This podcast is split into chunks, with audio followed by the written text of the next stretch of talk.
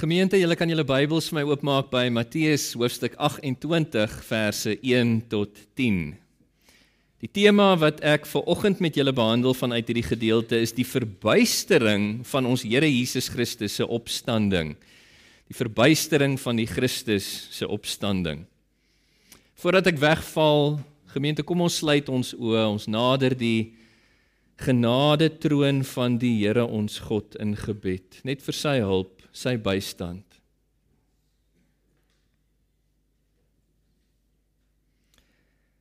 Hemelse Vader, ons wil U erken. Here, U wat U lewe gegee het ter wille van ons verlossing. Here dat U voor die grondlegging van die wêreld ons verlossing beplan het Vader dat U besluit het om die eniggebore seun te stuur vir die verdienste daarvan. Here Jesus dat U God in wese neergebuk het vrywilliglik om dit vir ons te verdien deur U lyding, die vernedering van U kruisweg, soos ons so, Vrydag gehoor het.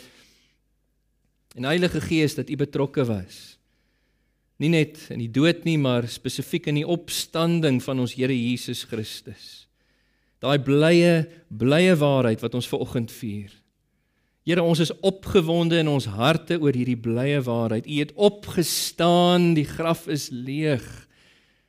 Here, soos U gesê het in Openbaring 1 vers 18, U was dood, maar kyk, U leef tot in alle ewigheid en U hou die sleutels van die dood en die doderyk.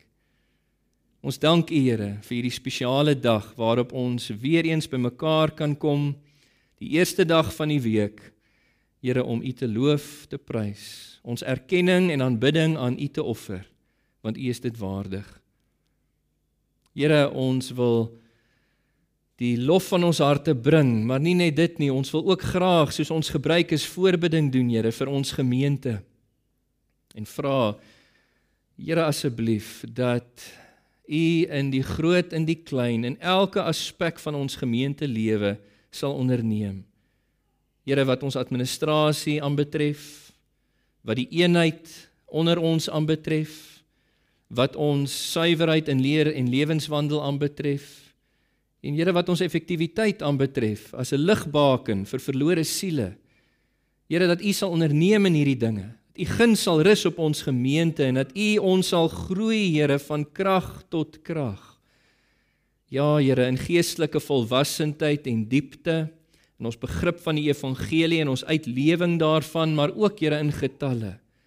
Dat U die skapies wat deel moet wees van hierdie kraal sal bring. Here, dat ons mag groei en sodat ons 'n noemenswaardige impak mag hê as kandelaar vir Christus hier in Pretoria Oos. Here ons dink aan ons amptdraers, die ouderlinge, die diakens wat U aan ons gegee het as gawes vir ons bediening. Here dat U hulle sal seën en dat U hulle sal toerus met getrouheid, lojaliteit, met begaafdheid. En Here dat U hulle sal gebruik in die diens van U kerk. Here ons eh, dink nie net aan hulle nie, ons dink ook aan ons sendelinge vir wie ons gereeld bid dat U on, sal onderneem met hulle dat U Here hulle sal onderskraag en bystaan en sal groot vrug gee op hulle bediening. Here, ons dink aan ons lidmaatskap, die lidmaatskap van ons gemeente, Here, dat U Uself sal bewys die God van voorsienigheid aan ons. Dat U sal voorsien in die behoeftes van elkeen van ons lidmate, Here, volgens U alwysheid en vanuit U goedertierenheid. Dat U Here vir ons sal lei, dat U ons sal beskerm. Ons het U so nodig. Here vertroos die wat dit nodig het. Help die wat krisis beleef en verheerlik U self in ons midde. Ons bid nie net vir ons gemeente nie, Here, maar ook vir die Sola 5 assosiasie waarvan ons 'n lidgemeente is, dat U ons susterkerke sal seën met vrug op die bediening. En Here, dat ons en hulle ware bekerings weer sal sien in groot maat, ook in ons dag, Here van God losheid en goddeloosheid. Ons bid nie net vir die Sola 5 assosiasie nie, maar vir u kerk reg oor Suid-Afrika, reg oor die wêreld, veral in Nigerië, die wêreldland wat ons hierdie week voorbid. Here dat u u kerk sal versterk, sal vestig, sal uitbrei. En Here dat U vir ons skaamteloos sal maak in die verkondiging van U waarheid. Here met ons erediens vanoggend vra ons dat U sal neerbuk. Sal kom stelling inneem langs elkeen van ons dat U sal werk deur die Gees asseblief. Here dat die verkondiging van U woord vir ons eh, duidelik verstaanbaar sal wees. Dat die opstanding van die Here wat ons na kyk vanuit 'n 'n vars perspektief vir oggend, Here, dat dit opnuut lewend sal wees in ons harte. Kom en doen u werk en mag u woord nie leeg na u self toe terugkeer nie. Here, ons eer u in Jesus naam. Amen. Gemeente, ek wil vanmôre die historiese werklikheid van ons Here Jesus Christus se opstanding behandel vanuit die perspektief of sal ek liewer sê vanuit die belewenis van daai besonderse godsvroue wat die Here Jesus Christus liefgehad het, wat hom gevolg het en wat hom gedien het as sy disippels. Matteus doen vir ons baie moeite om klem te plaas op die uitsonderlike getuienis van hierdie vroue wat in Jesus geglo het. Ek meen hierdie vroue het Jesus al van vroeg in sy bediening gevolg. Uh, van die eerste helfte van sy bediening toe hy nog in Galilea bedien het af, het hulle hom gevolg en gedien. Ons lees byvoorbeeld in uh, Lukas hoofstuk 8 vers 1 tot 3. Jy hoef nie daarna toe te blaai nie, maar luister na hierdie besonderse getuienis. Dit sê vir ons kort daarna het Jesus deur een stad en dorp na die ander gereis om te preek en die evangelie van die koninkryk van God te verkondig. Die 12 het saam met hom gereis en let nou op wie word ook genoem hier. Ook 'n aantal vroue wat van bose geeste en van siektes genees was, naamlik Maria wat bekend was as Magdalena. Sy was afkomstig van Magdala af aan die oewer van die Galileese See, dis waar sy haar naam vandaan kry. Uit haar was sewe demone gedryf en Johanna, die vrou van Gusa, 'n bestuurder van Herodas en Susanna en baie ander wat uit hulle eie bronne vir Jesus en die 12 gesorg het. Hoe besonder. Van vroeg af in die evangelieverhaal lees ons van hulle en dan noem Matteus vir ons dat hulle het vir Jesus gevolg van Galilea af toe sy bediening suid geskuif het na die suidelike streek van Judea toe, spesifiek toe hy afgekom het Jerusalem toe. Hulle het hom oral gevolg, selfs langs sy kruisweg. Toe Jesus die Via Dolorosa vir ons moes stap, het hulle toegekyk met gebrokenheid terwyl hulle geliefde Here gekruisig was. Alhoewel hulle het dit van 'n afstand af gedoen uit vrees vir die Romeine en die Jode. Kyk saam met my na Matteus 27 vanaf vers 55. Dit sê vir ons pertinent, daar was baie vroue Nie 'n klein groepie nie, baie vroue teenwoordig wat van ver af toegekyk het toe Jesus gekruisig was. Dit was vroue wat Jesus van Galilea af gevolg en hom gedien het. Onder hulle was Maria Magdalena, Maria, die moeder van Jakobus die jonge en Josef, vrou van Klopas en die moeder van die seuns van Zebedeus. Dit is Jakobus en Johannes. Haar naam was Salome was teenwoordig by die kruis. En dis nie al nie. Matteus noem ook vir ons dat hierdie vroue was by met Jesus se begrafnis. Hulle het nooit sy sy verlaat nie. Kyk na vers 61 van Matteus 27. Maria Magdalena, so prominent in die verhaal, was daar en ook die ander Maria. En hulle het teenoor die graf bly sit. Ons begin iets optel van die ingesteldheid van hierdie vroue. En dit is ook nie al nie. Raai wie was eerste by die graf na daardie Sabbat op die eerste Paasnaweek? Markus noem vir ons hier in hoofstuk 28 vers 1 wat deel uitmaak van ons teks dat van hierdie vroue was by die graf op daai eerste Sondag na Jesus se kruisiging. Hy skryf na die Sabbat teen dagbreek op die eerste dag van die week het Maria Magdalena en die ander Maria gegaan om na die graf te kyk. Hierdie uitsonderlike getrouheid, lojaliteit van hierdie vroue staan al te meer vir ons uit as 'n mens in gedagte hou die optrede van ons Here Jesus Christus se binnekring van disippels. Nie waar nie. Ek meen Judas Iskariot het die Here Jesus Christus verraai vir 30 silwer muntstukke. Petrus, hy wie een van Jesus se vriende was, een van sy naaste vertrouelinge het hom verloon en uiteindelik het al die disippels wat Jesus gevolg het vir 3 en 'n half jaar hom verlaat, weggehardloop toe hy in hegtenis geneem was in Getsemane. Alhoewel Johannes die apostel skryf vir ons dat hy het ook Jesus op afstand gevolg en hy was uiteindelik ook by die vrouens saam met hulle voor Jesus se kruis volgens Johannes 19 vers 26 en 27 maar hulle het hom verlaat Jesus se binnekring van disippels was ontnigter kom ons agter in hierdie verband kan ek dalk die Emmausgangers noem wat met 'n leerstelling besluit het na die gebeure in Jerusalem daai Paasnaweek, hulle gaan nou terug na hulle tuisdorp toe. En hoe hulle ontsteltenis uitgespreek het op pad soontoe, nogal teenoor die Here Jesus Christus, min te wete. In Lukas 24 vers 19 tot 24. Jesus se binnekring van disippels was ongelowig.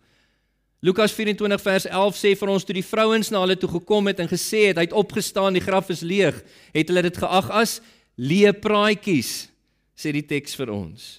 Hulle het dit nie geglo nie. Behalwe miskien tot 'n mate Petrus en Johannes wat opgestaan het en gehardloop het na die graf toe om te gaan sien. Markus 16:11 sê vir ons dieselfde dat dit nie geglo van die vroue nie. Jesus se binnekring van disippels was twyfelagtig.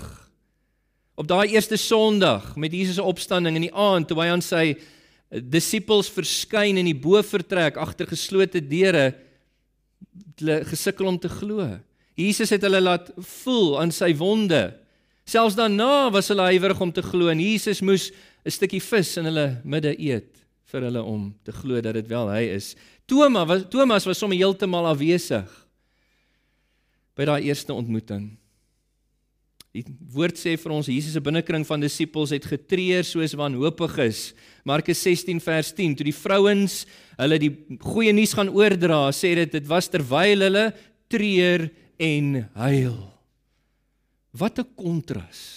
Nie waar nie.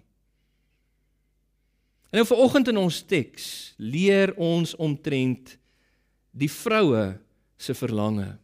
Dis wat Matteus vir ons optree, die vroue se verlange na die Here Jesus Christus. Ek lees vir julle vers 1 weer van ons teksgedeelte Matteus 28.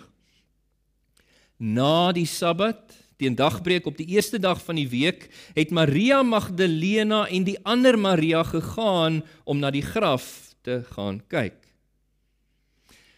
So dis vroeg op die oggend na die Sabbat. Onthou die Joodse Sabbat het gestrek van Vrydag aand 6uur tot die Saterdag namiddag 6 6uur.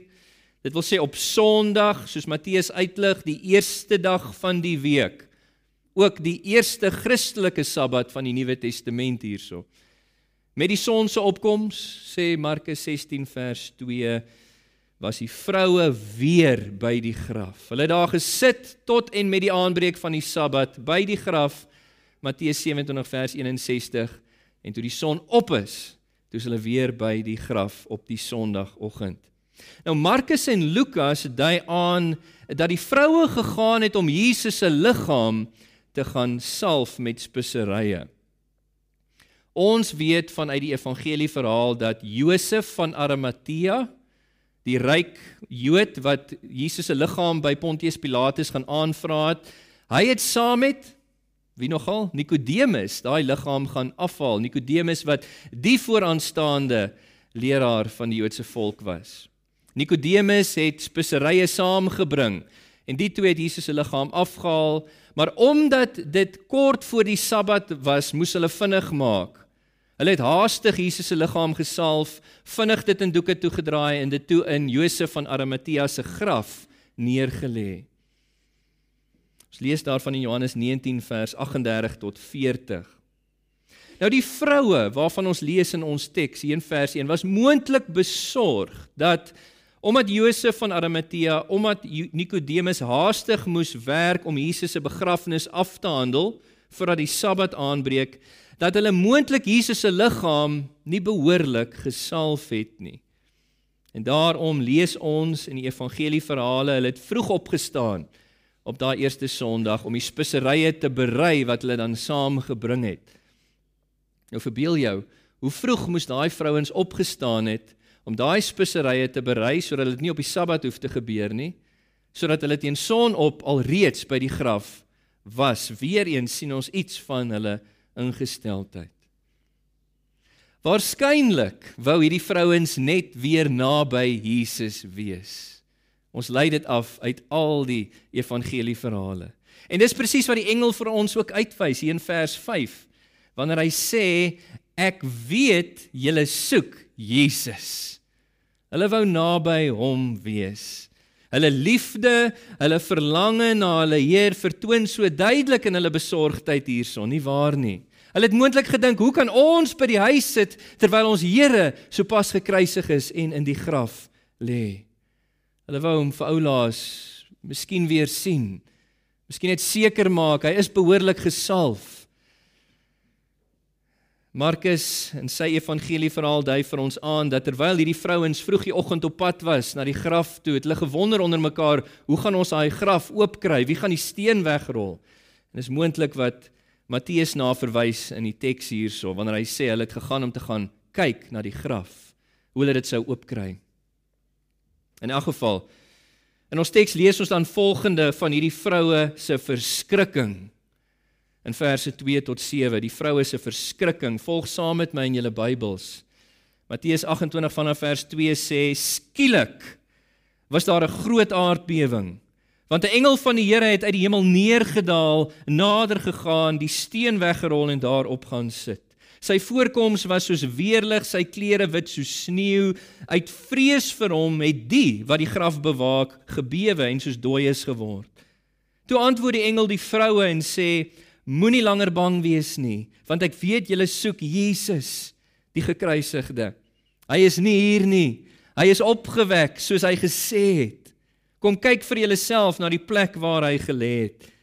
En haas julle dan en gaan sê vir sy disippels hy is opgewek uit die dood. Kyk, hy gaan voor julle uit na Galilea, daar sal julle hom sien. Dit het ek vir julle gesê. Met hierdie vroue se aankoms by die graf daai eerste oggend, was daar skielik 'n groot aardbewing. En let op hierso, God het die aarde twee maal geskit op daai eerste Paasnaweek. Die eerste maal was met Jesus se dood Matteus 27 vers 51. Die tweede maal was met Jesus se opstanding. Hier in vers 2 van hoofstuk 28. Matteus sê vir ons dit was veroorsaak hierdie tweede skudding van die aarde deur 'n engel van die Here wat neergedaal het vanuit die hemele. En Matteus doen moeite om vir ons te beskryf hoe hierdie engel gelyk het, die indruk wat hy geskep het. Hy was uiteraard sterk. Matteus 16 vers 4 sê dat dit was 'n enorme steen wat voor daai graf gerol was en ons teks hier sê hy het dit net weggerol eenvoudig sonder moeite. Sterk. Hy het ook 'n asemrowende voorkoms gehad. Matteus skryf hy was soos weerlig geweest, met ander woorde glinsterend helder soos kristal, oogverblindend vir hulle wat dit gesien het. Hy was ook so sneeu, spier, spier wit. Ons kan onsself indink die prag, hoe oorweldigend dit vir hulle moes gewees het. Toe hulle hierdie engel aanskou het. En ons begryp iets van die betowerende van die angswekkende aard van hierdie indruk wat die engel geskep het wanneer ons oplet die reaksie van die Romeinse soldate, né? geharde manne van oorlog. Wat sê die teks vir ons in vers 4? Almal van hulle val flou soos een man. Nou ek is oortuig dat die Here se hand was betrokke hier, dat die Here hulle immobiliseer het in daai oomblik deur die verskrikking wat hy oor daai soldate gestuur het. Hoekom? Sodat die engel sy boodskap ongehinderd aan hierdie kosbare vroue kon oordra. En ook sodat daai vroue in beerd weer ongehinderd deur die soldate kon gaan vertel die goeie nuus wat hulle ontvang het. Ek wil iets anders vir julle ook uitwys hier in die teks wat kosbaar is. Vers 2 begin met die woordjie skielik. Toe die vrouens daar aankom, skielik is daar 'n groot aardbewing. Sê dit nie vir julle iets nie? Dis so asof die Here net gewag het totdat daai vroue by die graf was, toe stuur hy die engel met die blye boodskap om dit aan hulle oor te dra. En ons sien iets daar van God se erkenning, God se verering van hulle toewyding. Let op in die teks geliefdes. Die Here het hulle eerste die blye boodskap van Jesus se opstanding vanaf die engel laat hoor, hierdie vroue. Die Here het hulle eerste die onaanvegbare bewyse van sy opstanding in die leë graf laat sien, hierdie kosbare vroue.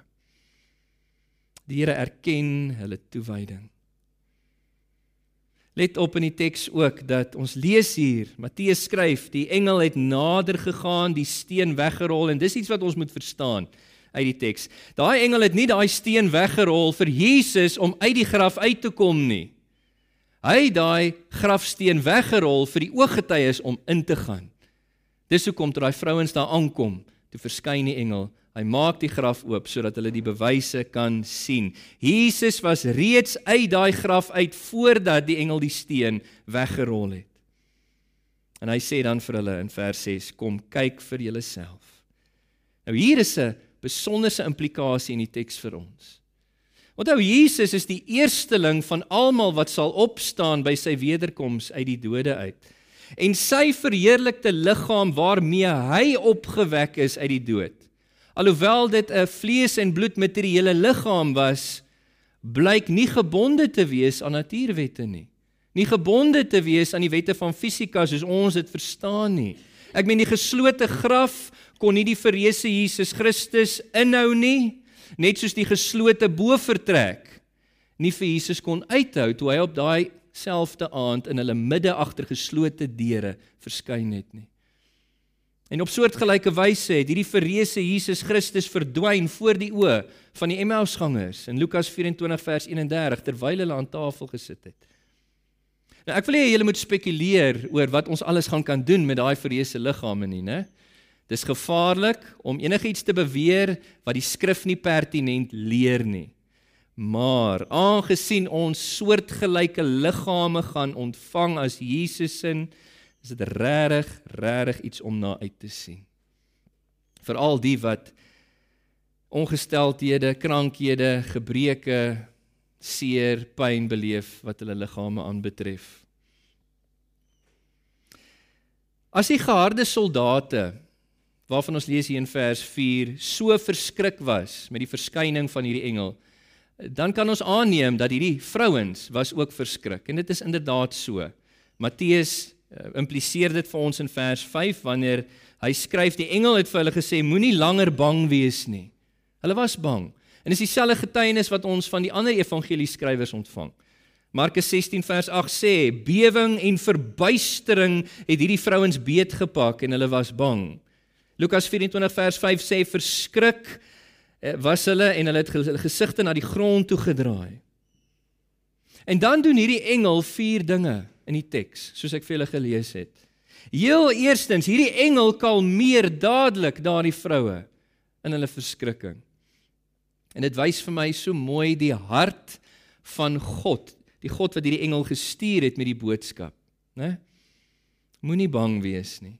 En net in geval hulle dit nie die eerste maal gehoor het nie, ek meen vers 8 lees ons nog dat hulle met vrees en groot blydskap haaste gegaan het om die boodskap te gaan vertel. Net in geval hulle nie die eerste keer gehoor het nie, herhaal die Here Jesus wat hierdie engel gestuur het, dit vir 'n tweede maal woord vir woord in vers 10. As jy na die teks kyk, Jesus het vir hulle gesê: Moenie langer bang wees nie. Ons Here is so uiters ontfermend teenoor sy uitverkorenes, teenoor elke gelowige. Hy toon begrip. Hy het uiterste empatie en simpatie met die wat aan hom behoort, medelee. Hy weet hulle verskrikking sou nie net voor die wind verdwyn nie. Daarom doen hy moeite om te herhaal hier. En ons sien hierdie hart van die Here oral reflekteer op soveel maniere in hierdie teks. Byvoorbeeld selfs teenoor die disippels wat vir Jesus so te leer gestel het.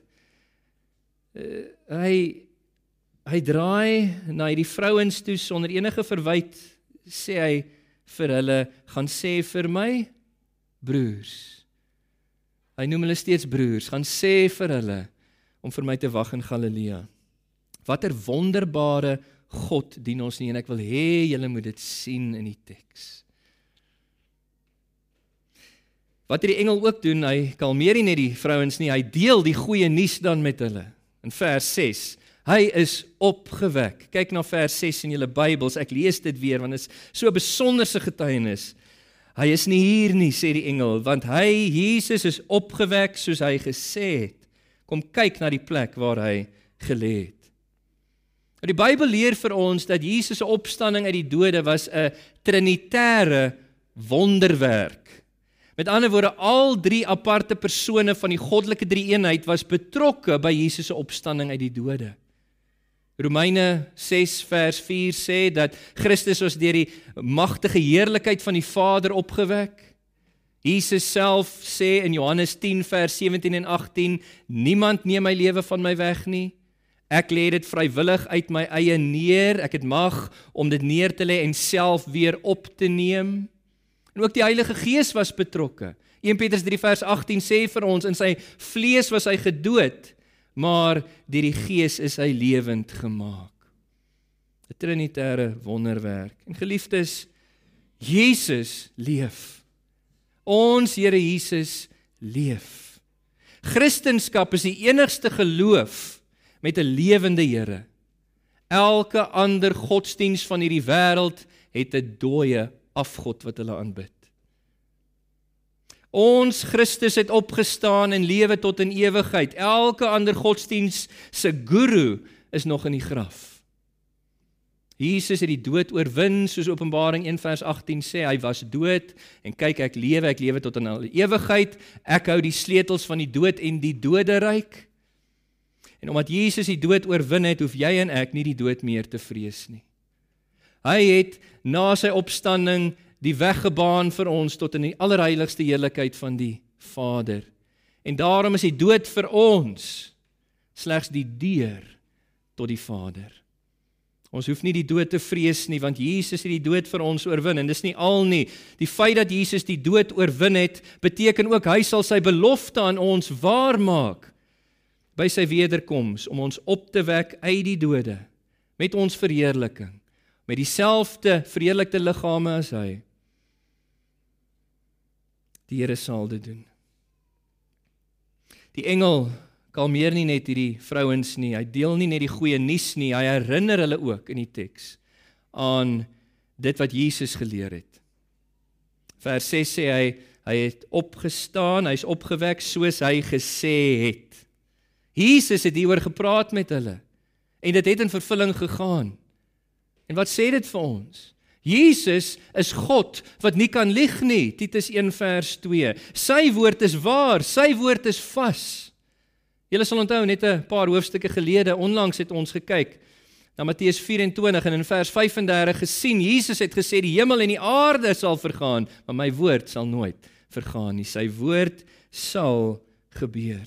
En daarom kan jy en ek bank op die woord van die Here. Dis betroubaar, dis waardig van ons geloof. Soos hy gesê het, so het dit gebeur. En dan 'n vierde ding wat hierdie engel doen, hy kalmeer hulle nie net nie, hy deel nie net die goeie nuus nie, hy herinner hulle nie net aan Jesus se lering nie, hy gee vir hulle opdrag. In vers 7 hy sê vir hulle: "Haas julle, gaan sê vir my disippels Hoekom moes hulle haas? Hoekom moes hulle gou hardloop om te gaan sê? Wel, eh, weer eens hier sien ons die hart van ons wonderbare God. Hulle moes gou maak weens ons Here Jesus se besorgdheid oor sy disippels wat op hierdie stadium neergebuk is onder ontnigtering, ontmoediging, ongeloof, onder twyfel, onder treurigheid en teleurstelling dat hulle so gou as moontlik bemoedig kon word deur hierdie vroue.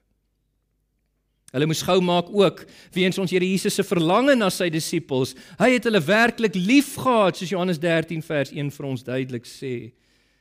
Die vroue moes gou maak sodat die disippels kon hoor en so gou as moontlik in Galilea kom waar die Here Jesus aan hulle sou verskyn, waar hy hulle weer sou sien. En daar waar Jesus aan hulle saam met 500 ander broers en susters verskyn het volgens 1 Korintiërs 15 vers 6.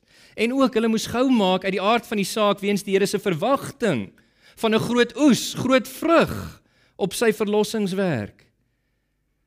Sodat hulle in Galilea kon kom want dit is daar waar hy vir hulle die groot opdrag van Matteus 28 vers 18 tot 20 gegee het dat die Heilige Gees so gou as moontlik uitgestort kon word en dat hulle missie van disipelmaking so gou as moontlik kon afskop. Wat 'n besonderse besonderse Here dien ons nie. En dan in die teks volgende lees ons omtrent die vroue se vreugde. Ek wil na die laaste 3 punte vlugtig gou kyk saam met julle die vroue se vreugde in vers 8 dit sê met vrees en groot blydskap het hulle haastig van die graf af weggegaan en gehardloop om die boodskap aan sy disippels oor te dra Die vroue het die boodskap van die engel uit die aard van die saak geglo. Daarom was daar groot blydskap in hulle harte. Hierdie blydskap vertoon in die feit dat hulle het haastig van die graf af weg gegaan. Hulle kon nie wag om te gaan nie. Hulle hulle het gehardloop om daai boodskap te gaan oorvertel. Ons sien hulle het herniede ywer, herniede opgewondenheid. Hulle het herniede vreugde in hulle harte. Ons kry amper die idee dat Hussein Bolt sou gesukkel het om by hierdie vrouens by te hou op daai oggend. Gehardloop. Tog was daar steeds 'n onderliggende verbuistering. Die vers sê met vrees en groot blydskap het hulle gegaan. En in die teks lees ons dan volgende om hier trend hierdie vroue se verwondering in vers 9. Kyk saam met my vers 9, die vroue se verwondering. Onverwags terwyl hulle op weg eh, op die, op pad is na die disippels, het Jesus hulle tegemoet gekom en gesê: "Gegroet." En hulle gaan toe nader, gryp sy voete en aanbid hom. Kyk, dit was streng gesproke nie nodig vir Jesus om aan hierdie vroue te verskyn nie, né? Ek meen, hulle het klaar die engelse boodskap geglo, hulle het klaar gehardloop, klaar onderweg om vir die disippels te gaan sê, so waarom het Jesus dan aan hulle verskyn? Gemeente, weer eens hier vir die tweede maal in die teks sien ons God se erkenning, God se verering van hulle lojaliteit, hulle getrouheid. En die Bybel leer ons vir ons, die Here eer hulle wie hom eer. Die Here het hulle nie net eerste die blye boodskap van Jesus se opstanding vanaf die engele laat hoor nie. Hy het hulle nie net eerste die onaanvegbare bewyse van Jesus se opstanding in die leë graf laat sien nie. Hy het hulle ook eerste homself laat sien voor die ander. Hoe besonder. Hoe wonderlik. Jesus groet hulle dan hierso in vers 9 gegroet. Die woord kairete in die Grieks. Dit is nie 'n informele groet nie. Jesus het nie vir hulle gesê hi, hallo nie.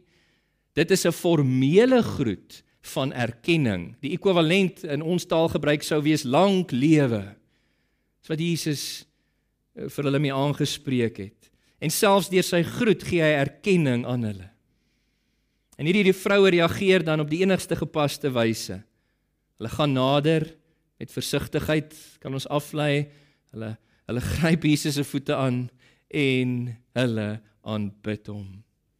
En as jy en ek onsself probeer indink wat in ons gedagtes en harte gaan wees of sal wees, wat ons reaksie sal wees wanneer ons by die Heer wederkoms voor ons vir Here Jesus verreëse Here Jesus Christus sal staan.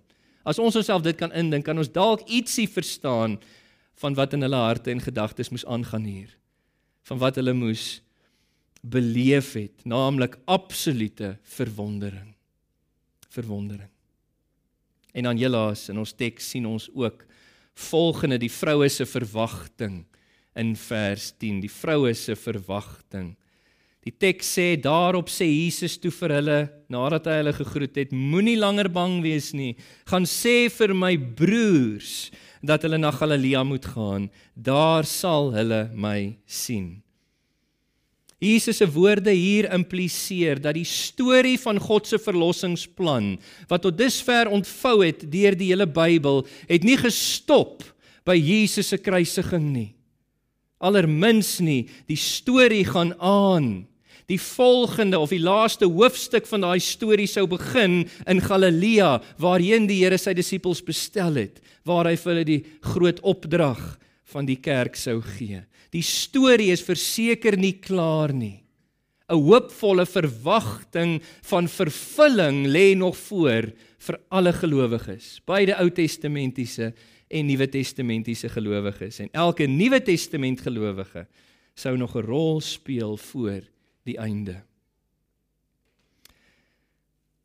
Wat 'n besonderse verhaal. Gemeente, ek wil hierdie boodskap afsluit net deur te sê dat die opstanding van ons Here Jesus Christus het 'n verrykende teologiese betekenis. Dit wat ons jaar na jaar op Opstanding Sondag hoor. Ek meen Jesus se opstanding verseker ons wedergeboorte 1 Petrus 1 vers 3. Dit verseker ons regverdigmaking Romeine 4 vers 25. Dit verseker ons uiteindelike verheerliking 2 Korintiërs 4 vers 14. En dit het ook teologiese implikasies wat ons van jaar tot jaar op opstanding Sondag hoor. Die feit dat Jesus opgestaan het is 'n bewys dat hy God is. Johannes 10 vers 17 tot 18. Dis 'n bewys dat sy woord waar is wat dit geprofeteer het eeue voor die tyd. Volgens Handelinge 2 vers 27. Dis 'n bewys dat ons verlossing afgehandel is. Johannes 19 vers 31. Dis 'n bewys dat die kerk nou gebou sal word. En die poorte van die doderyk sou nie daarteen kan standhou nie want Jesus het die dood oorwin. Dis 'n bewys dat die hemel wag vir ons. Want Jesus het met sy opstanding vir ons vooruitgegaan daartoe en in hom is ons nou gesetel in hemelse plekke. Ons sal hom volg. Efesiërs 2 vers 6. En is 'n bewys dat die oordeel van God kom want die regverdige regter leef.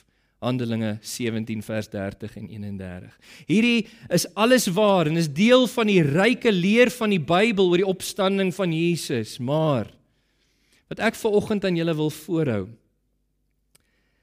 is die effek van Jesus se opstanding op hierdie kosbare vroue wat in Jesus geglo het.